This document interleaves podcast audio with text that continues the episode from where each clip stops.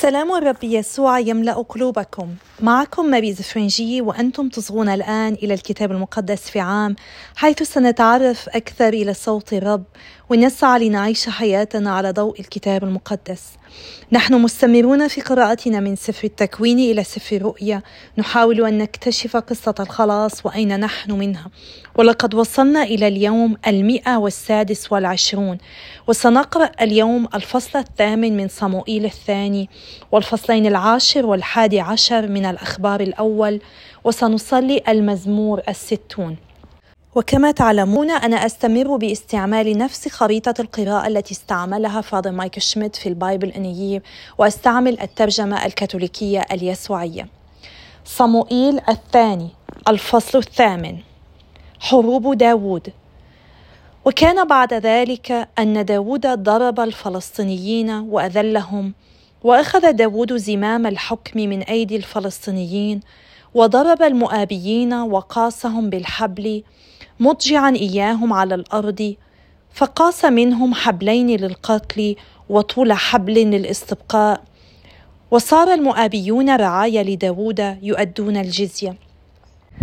وضرب داود هدد عازر بن رحوب ملك صوبة. وقد كان ذاهبا ليسترد سلطته على نهر الفرات. وأخذ منه داود ألفا وسبعمائة فارس وعشرين ألف راجل. وعرقب داود خيل جميع المركبات وأبقى منها مئة مركبة. فجاء أرامي دمشق لنجدة هدد عازر ملك صوبة فقتل داود من الأراميين اثنين وعشرين ألف رجل وأقام داود محافظين في أرام دمشق. فصار الأراميون رعايا لداود يؤدون الجزية ونصر الرب داود حيثما توجه. وأخذ داود تروس الذهب التي كانت مع ضباط هدد عازر وأتى بها إلى أورشليم. وأخذ الملك داود من طبحات وبيروتاي مدينتي هدد عازر نحاسا كثيرا جدا.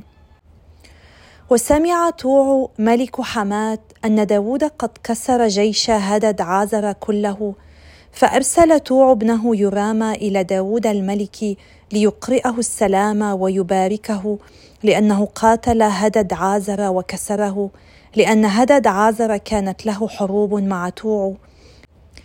وفي يد يرام آنية من الفضة والذهب والنحاس. وهذه أيضا قدسها الملك داود للرب فيما قدسه من فضة وذهب جميع الأمم التي أخضعها من الأدوميين والمؤابيين وبني عمون والفلسطينيين والعمالقة وما غنمه من هدد عازر بني رحوب ملك صوبة. وأقام داود لنفسه اسما عند رجوعه بعدما قتل ثمانية عشر ألفا من الأراميين في وادي الملح وجعل في أدوم محافظين وصار جميع الأدوميين رعايا لداود ونصر الرب داود حيثما توجه. إدارة شؤون المملكة.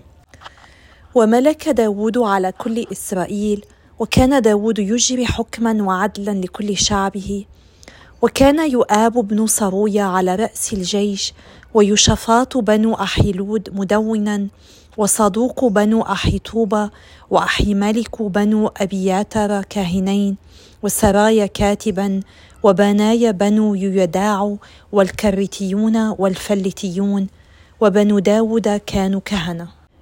سفر الأخبار الأول الفصل العاشر. معركة جلبوع وموت شاول. وكان الفلسطينيون يقاتلون إسرائيل فانهزم رجال إسرائيل من وجه الفلسطينيين وسقطوا قتلى في جبل الجلبوع فضيق الفلسطينيون على شاول وبنيه وقتل الفلسطينيون يوناتان وأبي نادب وملك شوع بني شاول. واشتد القتال على شاول فأدركه الرماة بالقسي وأثخنوه بالجراح. فقال شاول لحامل سلاحه استل سيفك واطعني به لئلا يأتي هؤلاء القلف ويشنع في فأبى حامل سلاحه لأنه خاف خوفا شديدا. فأخذ شاول سيفه وسقط عليه. ولما رأى حامل سلاحه أن قد مات شاول سقط هو أيضا على سيفه ومات معه. فمات شاول وثلاثة بنيه وكل بيته معا. ورأى جميع رجال إسرائيل الذين في الوادي أنهم قد هربوا وأن قد مات شاول وبنوه فتركوا مدنهم وهربوا فأتى الفلسطينيون وأقاموا فيها. وفي الغد أتى الفلسطينيون ليسلبوا القتلى فوجدوا شاول وبنيه صرع في جبل الجلبوع فسلبوه وأخذوا رأسه وسلاحه وأرسلوا يبشرون في أرض الفلسطينيين في كل جهة في بيوت أصنامهم وفي الشعب ووضعوا سلاحه في بيت إلههم وعلقوا جمجمته في بيت داجون. وسمع جميع أهل يبيش جلعاد بكل ما صنع الفلسطينيون بشاول فنهض كل ذي بأس ورفعوا جثة شاول وجثة بنيه وأتوا بها إلى يابش ودفنوا عظامهم تحت البطمة في يابش وصاموا سبعة أيام. فمات شاول بمخالفته التي خالف بها الرب وكلمة الرب التي لم يحفظها ولأنه سأل مستحضرة الأرواح ولم يستشر الرب فأماته وحول الملك إلى داود بني يسى الفصل الحادي عشر. داود منشئ عبادة الهيكل. ملك داود. تتويج داود ملكا على إسرائيل. واجتمع إسرائيل كله إلى داود في حبرون قائلين هوذا نحن عظمك ولحمك حين كان شاول ملكا أمس فما قبل كنت أنت تخرج وتدخل إسرائيل وقد قال لك الرب إلهك أنت ترعى شعب إسرائيل وأنت تكون قائدا لشعب إسرائيل.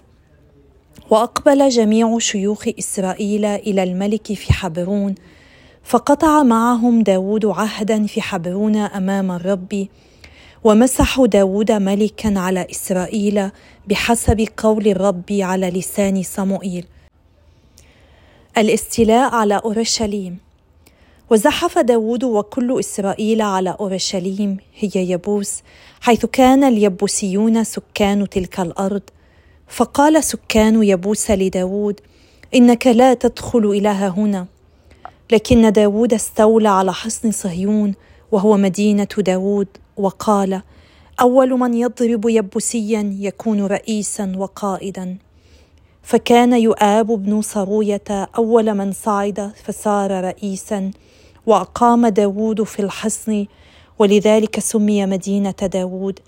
وبنى المدينة من حوله من ملوة فما حولها ورمم يؤاب سائر المدينة. وكان داود لا يزال يتعاظم ورب القوات معه. أبطال داود وهؤلاء رؤساء الأبطال الذين كانوا لداود ممن صاروا أقوياء معه في ملكه ليقيموه مع كل إسرائيل ملكا بحسب كلام الرب في حق إسرائيل. وهذه قائمة الأبطال الذين كانوا لداود إشبعل بنو حكموني رئيس الثلاثيين وقد أشرع رمحه على الثلاثمائة فقتلهم بمرة واحدة. وبعده أليعازر بن دودو الأحوحي أحد الأبطال الثلاثة وهو الذي كان مع داود في فس دميم والفلسطينيون مجتمعون هناك للقتال وكانت هناك قطعة حقل مملوءة شعيرا فانهزم الجيش من وجه الفلسطينيين. فوقفوا في وسط الحقل وأنقذوه وضربوا الفلسطينيين وأتاهم الرب نصرا عظيما. ونزل ثلاثة من الثلاثين إلى الصخر إلى داود في مغارة عدلام وكانت قوة فلسطينية معسكرة في وادي رفائيم وكان داود حينئذ في الحصن ومحرس للفلسطينيين في بيت لحم. فتأوه داود وقال من يسقيني ماء من البئر التي عند باب بيت لحم؟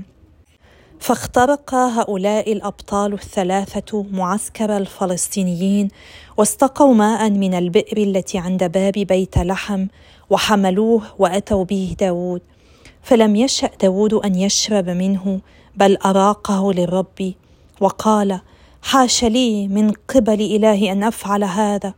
أأشرب دم هؤلاء الرجال بالثمن أنفسهم؟ فإنهم بالثمن أنفسهم جاءوا به. ولم يرد أن يشرب. هذا ما فعله هؤلاء الأبطال الثلاثة. ثم أبشاي أخو يؤاب وهو رئيس الثلاثة. هذا أشرع رمحه على ثلاثمائة وقتلهم وكان له اسم بين الثلاثة. أولم يكن أشد الثلاثة كرامة بالنسبة إلى الاثنين الآخرين وأصبح لهم قائدا إلا أنه لم يبلغ مرتبة الثلاثة. ثم بناي بنو يداع ابن ذي بأس كثير المآثر من قبصائيل وهو الذي ضرب بطلي مؤاب ونزل وقتل أسدا في وسط جب يوم الثلج. وضرب رجلا مصريا طوله خمس أذرع وكان في يد المصري رمح كنول النساج. فنازله بالعصا وخطف الرمح من يد المصري وقتله برمحه. هذا ما فعله بناي بنو يداع وكان له اسم بين الأبطال الثلاثة وكان أشد الثلاثين كرامة إلا أنه لم يبلغ مرتبة الثلاثة.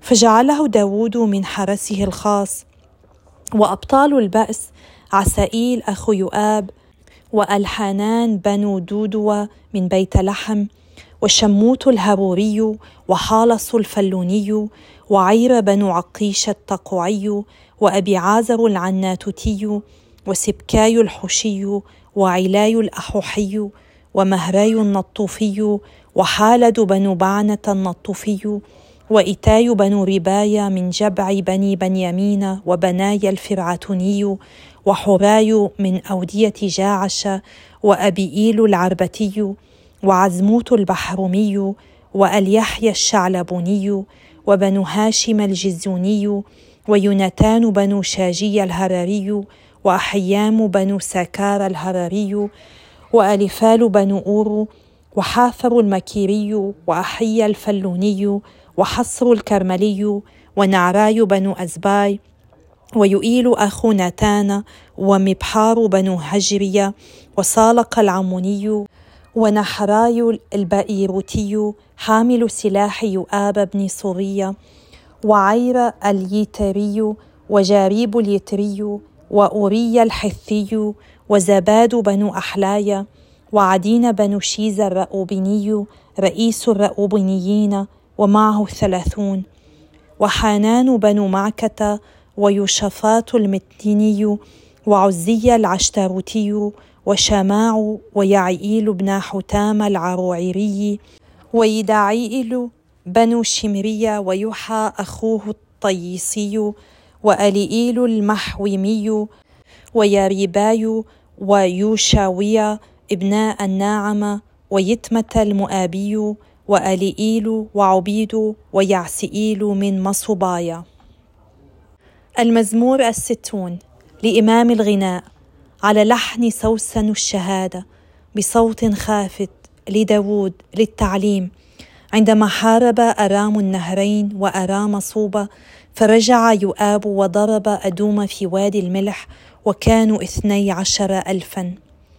اللهم نبذتنا وكسرتنا وغضبت ولكن عد إلينا. زلزلت الأرض وصدعتها إنها متزعزعة فداوي صدوعها. أريت شعبك الشدائد وسقيتنا خمر الترنح أعطيت متقيك راية ليهربوا من وجه الأقواس. سلاه لكي يخلص أحباؤك خلص بيمينك واستجب لنا. الله تكلم في قدسه فأبتهج وأقسم شكيم وأقيس وادي سكوت. لي جلعاد ولي منسى وافرائيم خوذة رأسي. ويهوذا صولجان ملكي. مؤاب وعاء أغتسل فيه على أدوم ألقي نعلي. على فلسطين هتاف انتصاري. إلى المدينة الحصينة من يقودني؟ وإلى أدوم من يهديني؟ إلا أنت يا الله الذي نبذتنا ولم تخرج يا الله وجيوشنا. هب لنا نصرة على المضايق فالخلاص من الإنسان عدم. ببأس نعمل بعون الله وهو يدوس مضايقين. يا أبانا السماوي إننا نسبحك ونمجدك. نحن ندرك أنه يمكننا أن نفعل معك الكثير بكل شجاعة. وبدونك نحن لا نستطيع أن نفعل أي شيء. وإن بقيت فينا يا رب فإن كل شيء مستطاع. إن ثبتنا فيك يا رب فإننا نثمر ثمرا يدوم. وإذا ابتعدنا عنك يا رب إذا ابتعدنا عن وجودك وعن قوتك ومساعدتك وقداستك نحن لا نستطيع أن نفعل شيء ولا نثمر أي ثمرا ولا نستطيع أن نحدث أي فرق في حياتنا. لذلك نحن يا رب بحاجة إليك. ليس فقط كي نتواجد بل من أجل المثابرة. نحن بحاجة إليك بحاجة إلى نعمتك. نحن نريدك ليس فقط من أجل الثمار بل من أجل الأمانة. يا رب أعطنا أن نكون مخلصين أن نكون مثمرين. أعطنا أن نثابر وأن ننتمي لك دائما ابدا باسم يسوع. نصلي آمين. بسم الآب والابن والروح القدس الإله الواحد آمين. في قراءتنا من سفر صموئيل نرى اليوم كيف أن داود كان يعمل على جمع الأسباط الاثني عشر معا في مملكة واحدة. قبل عهد داود في عهد شاول كانت الأسباط الاثني عشر كاتحاد فيدرالي مزعزع لم تكن متحدة وهو يسعى إلى اتحادها من خلال قهر الأمم حولهم. هو لم يسعى لأن يكون فقط ملكا بل لأن يجعل من إسرائيل مملكة والطريقة التي اتبعها هي بهزيمة الأعداء الذين كانوا حولهم. في سفر الأخبار قرأنا اليوم قصتي شاول وداود وقد تكررت بعد أن قرأناها في صموئيل.